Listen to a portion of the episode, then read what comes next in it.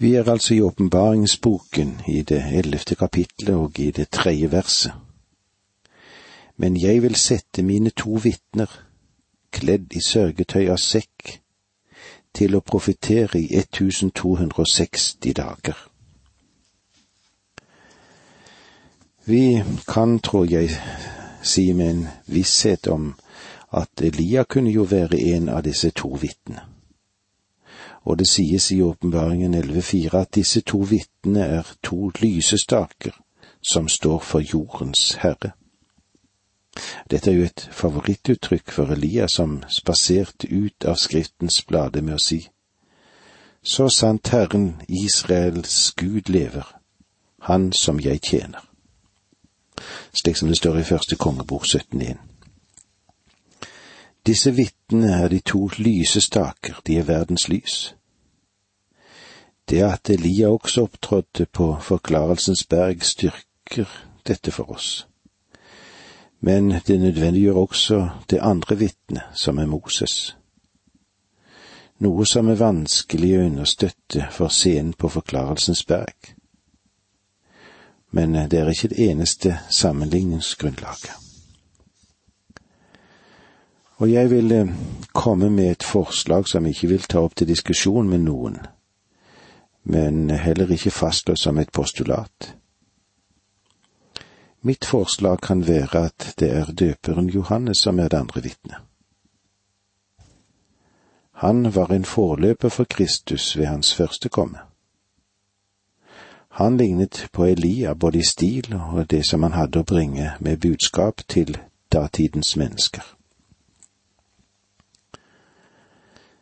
Jeg er sikker på at disse to karene ville ha følt seg vel i hverandres selskap. Begge visste hva det ville si å stå fast mot mørkets krefter, og det å stå alene for Gud mot håpløse odds. De hadde sannelig god trening i fortiden. Johannes døperen ville vært et vitne fra Det nye testamentet på samme måte som Elia ville ha vært et vitne fra Det gamle testamentet. Johannes døperen var egentlig ikke en del av menigheten. Han eh, sa seg meget ydmykt at han var en venn av brudgommen. Han var ikke en brud, han var en venn av brudgommen. Så Johannes han var vel egentlig altså, som vi sa, en del av menigheten Kristi brud. Det synes å være lite tenkelig at Enok ville ha vært et av disse vitnene siden han var av hedensk rot. Det faktum at han ikke døde, men ble bortrykket, kvalifiserer ham ikke for denne tjenesten. For eh, ved den tid når du kommer til den store trengsel, er menigheten allerede overført inn i sitt nye rike. Og noen av dem vil også bli hentet hjem uten å dø. Men la oss si med en viss sikkerhet at Elia er ett av vitnene. Når det gjelder den andre, kan min gjetning være like god som andres gjetninger. Du skal profetere i 1260 dager. Sær, det særlige med disse to vitnene er ikke deres identitet, men den tid som de opererer i og opptrer i. Er dette under den første eller den siste del av trengselstiden? Første del synes å passe til teksten mer nøyaktig fordi de bærer vitnesbyrde til dyret, og det åpenbarer seg, og da lider de martyrdøden. Kledd i sørgetøy, eller kledd i sekk som det heter i andre oversettelser. Det er en kledning med mer passende for lovens tid enn for nådens tid. Det ville også være passende for Elia og for døperen Johannes. Vi leser videre versene fire og fem her i kapittel elleve. Dette er de to oliventrær og de to lysestaker som står foran jordens herre. Og er det noen som skal skade dem, da går det ild ut av munnen på dem og gjør ende på deres fiender. Ja, om noen vil skade dem, slik skal han dø. alt her er knyttet til Det gamle testamentet. De to oliventrærne fører tanken umiddelbart tilbake til Zakaria sitt syn i kapittel fire. Der er lysestakene to enkeltmennesker, Josva og Serubabel, som ved Den hellige ånds hjelp ble utrustet til å stå imot ubeskrivelige vanskeligheter. Forklaringene finner vi i ordene slik det står i Zakaria 4,6. Ikke ved makt og ikke ved kraft, men ved min ånd, sier Herren allers Gud. Den hellige ånd vil være til stede under den store trengsel. Disse to vitnene er lys foran mørkets makter. Disse menn får en uvanlig makt, nemlig å kalle ild ned fra himmelen. De er fylt med Den hellige ånd og her peker det også sterkt i retning av Elia. Hvis du vil se om dette, gå inn i første annen kongebok, i første kongebok 1838, og i annen kongebok i det første kapittel vers 10. Johannes forkynte jo også en som skulle døpe med ild, og det har vi i Matteus 3,11. Disse to vitnene, de er udødelige og immun for all slags angrep helt til deres misjon er fullført. Det er oppmuntrende å vite at alle Guds vitner er udødelige inntil de har fullført Hans hensikt gjennom dem. Det at Guds vitner er udødelige til Gud er ferdig med dem, det er vidunderlig og trøstende tanke for oss alle sammen i dag, ikke minst for meg selv og når Han har gjort sin gjerning gjennom oss, så forfremmer Han oss til herligheten. Vers seks De har makt til å lukke himmelen, så det ikke faller regn i den tiden de er profeter, og de har makt over vann og kan gjøre det til blod, og makt til å slå jorden med alle slags plager så ofte de vil disse to vitnene, de får en grenseløs autoritet. De kontrollerer regnet på jorden, og de er i stand til å forvandle vannet til blod. Dette minner sannelig både om Elia og Moses.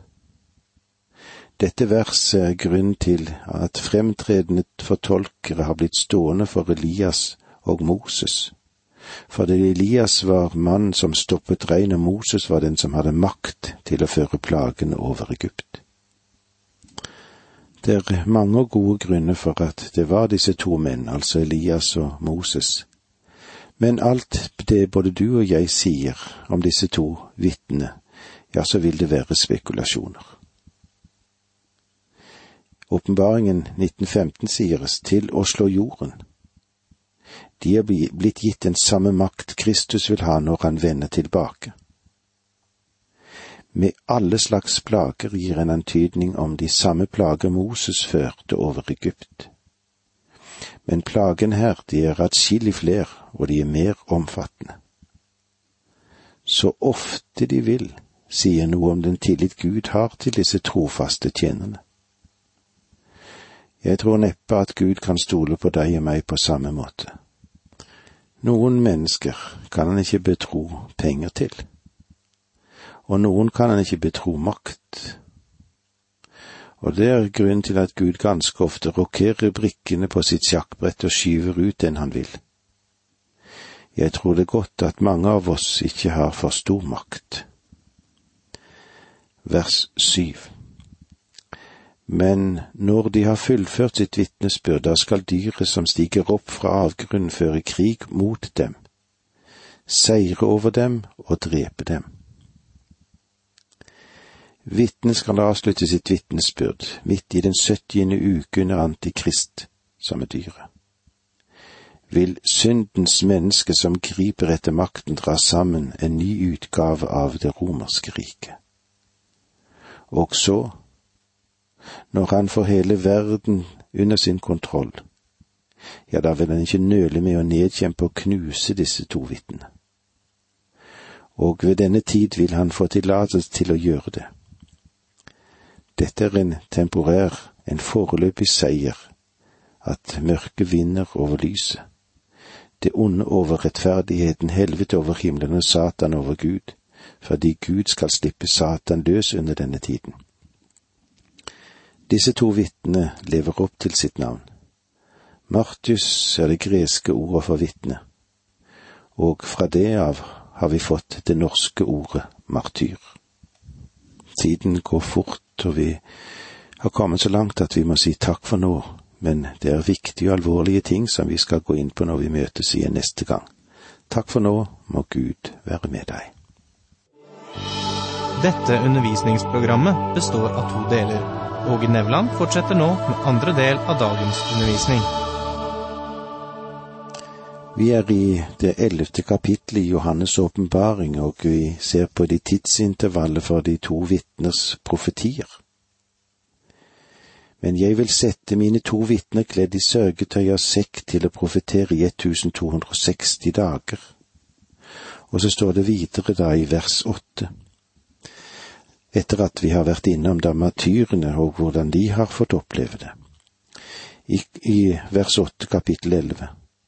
Likene deres skal bli liggende på gaten i den store byen som åndelig talt kalles Sodoma og Egypt, der hvor deres Herre ble korsfestet. Disse menn får ikke engang en skikkelig begravelse. Dette gir oss et innblikk i den rå, den kalde barbarisme som vil være hovedstrømmen i disse siste dager. Denne grusomhet som bare vil være dekket av en tynn hinne av kultur. Det er merkelig likhet her til den sadistiske nysgjerrighet som førte til at to døde menn, Lenin og Stalin, var utstilt på Den røde plass. Men nå, ja, nå er begge to fjernet. Ordet som ble brukt her for lik, beskriver den forakt og det hat verden vil ha for disse to vitner. De blir behandlet som døde dyr. Den store byen er Jerusalem. Den sammenlignes med Sodoma av Jesaja, som du kan se Jesaja 1.10. Den ble også kalt Egypt fordi verden har krøpet inn i hver fiber av denne byens liv. Det sosiale livet, det politiske livet og det religiøse livet. Den ble her klart identifisert som Jerusalem gjennom det smertefulle utsagnet. Hvor Deres Herre ble korsfestet. Vers 9 Mennesker av mange folk og stammer og tungemål og nasjoner skal se dem ligge der i tre og en halv dag, og de skal ikke tillate noen å begrave dem. Etter at Kristus var korsfestet, ja, så tillot til og med Pilatus hans venner at de kunne ta legemet ned og gi det en respektfull begravelse. Men slik er det ikke med disse to vitnene. Verden blir overrasket når de hører at de er døde.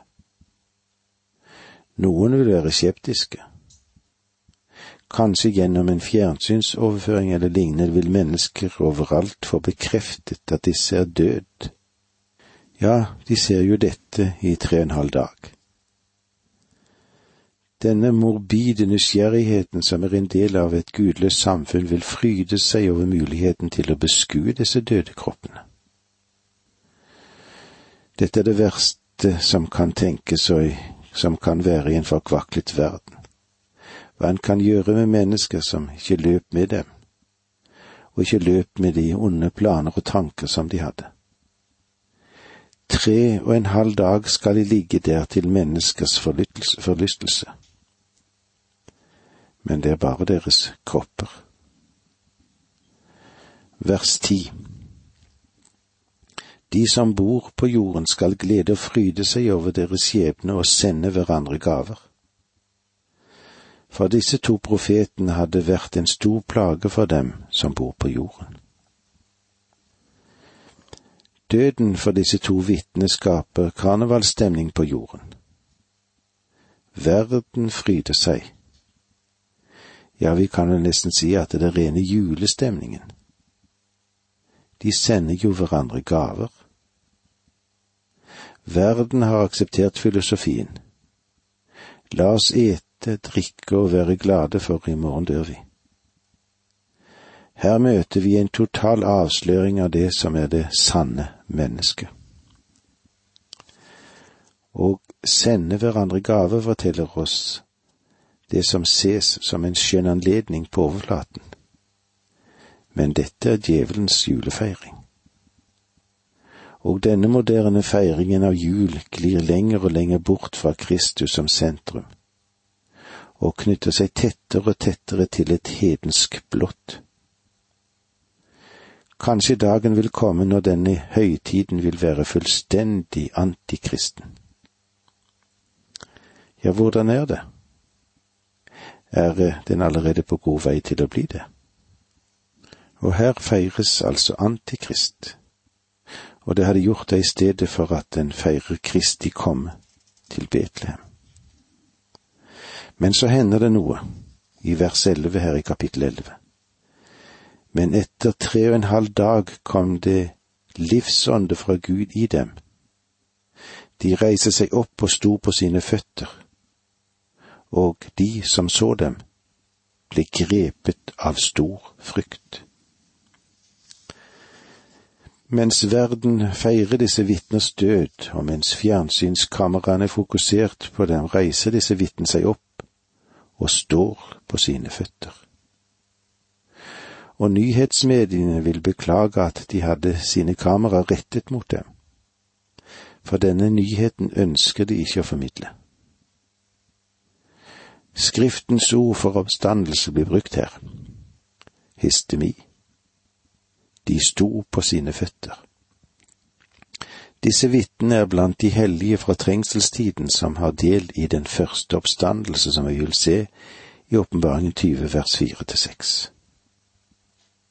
I vers 12 her i kapittel 11 leser vi slik. Da hørte de en høy røst fra himmelen som sa til dem, Stig opp hit, og de steg opp til himmelen i en sky, midt for øynene på sine fiender. De løftes opp til himmelen. Vi har de to vitners oppstandelse i vers seks. Vi har de to vitners himmelfart i vers tolv. En sky av herlighet er knyttet til himmelfarten, og også til Kristi komme. Vi kommer nå til dommen under det andre ved, stort jordskjelv. Vi har hørt den sjette basunen lyde, og vi er i et intervall mellom den sjette og den sjuende basun. Dette er vedbasuner, og det andre ved er knyttet til den sjette basun, og det er et stort jordskjelv. Vi leser det trettende verset. I samme stund kom det et stort jordskjelv en tiendedel av byen raste sammen. Sju tusen mennesker ble drept, og de som var igjen ble forferdet og ga himmelens Gud ære. Dette tallet på omkomne må legges til de som allerede er omkommet. I første omgang ble en fjerdedel av verdens innbyggere drept, og deretter en tredjedel av innbyggertallet på jorden som utgjør mer enn en halvdel. Og nå er det 7000 til som blir drept. Ikke rart at Jesus sa det slik, ble ikke disse dager forkortet, da ble intet menneske frelst. Dette jordskjelvet synes å være begrenset til Jerusalem på samme måte som det var da Kristus sto opp fra de døde, og også ved hans korsfestelse. 7000 mennesker ble drept. Dette er et språkbilde som indikerer at det var fremstående mennesker det dreide seg om. Det var de som hadde satset på Antikrist. Mennesker hvis navn utgjorde de store overskriftene da Antikrist kom til makten. vers 14. Det annet ved er nå over, men det tredje ved kommer snart. Dette er altså avslutningen på det andre ved. Det tredje kommer snart, men ikke umiddelbart. Det tredje ved er ikke knyttet til den syvende basunen sine lyder, for det er det neste som vil skje. Og det vil føre oss forbi den store trengsel og inn i tusenårsriket. Den sjuende basun åpner samtidig opp for de sju personligheter som vi møter i kapittel tolv og tretten.